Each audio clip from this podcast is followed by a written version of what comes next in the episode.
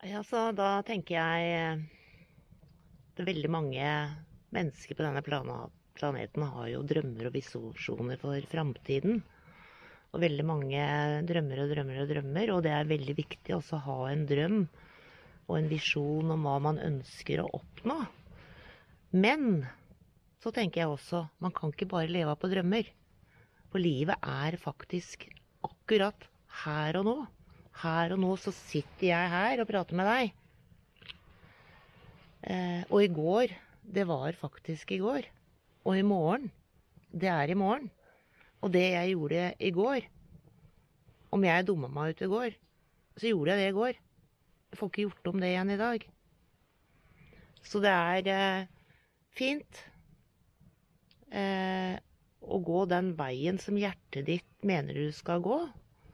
Og se framover og ha drømmer, men heller ikke glemme at i dag er i dag. Og som Peder sier, eh, veldig fint eh, å gå på kurs eh, imot det du trekkes til. Eh, og alle kurs kan du ta det beste ut av som passer deg. For det er også litt viktig, føler jeg, at eh, det er ikke alt som blir sagt på kurs som passer deg.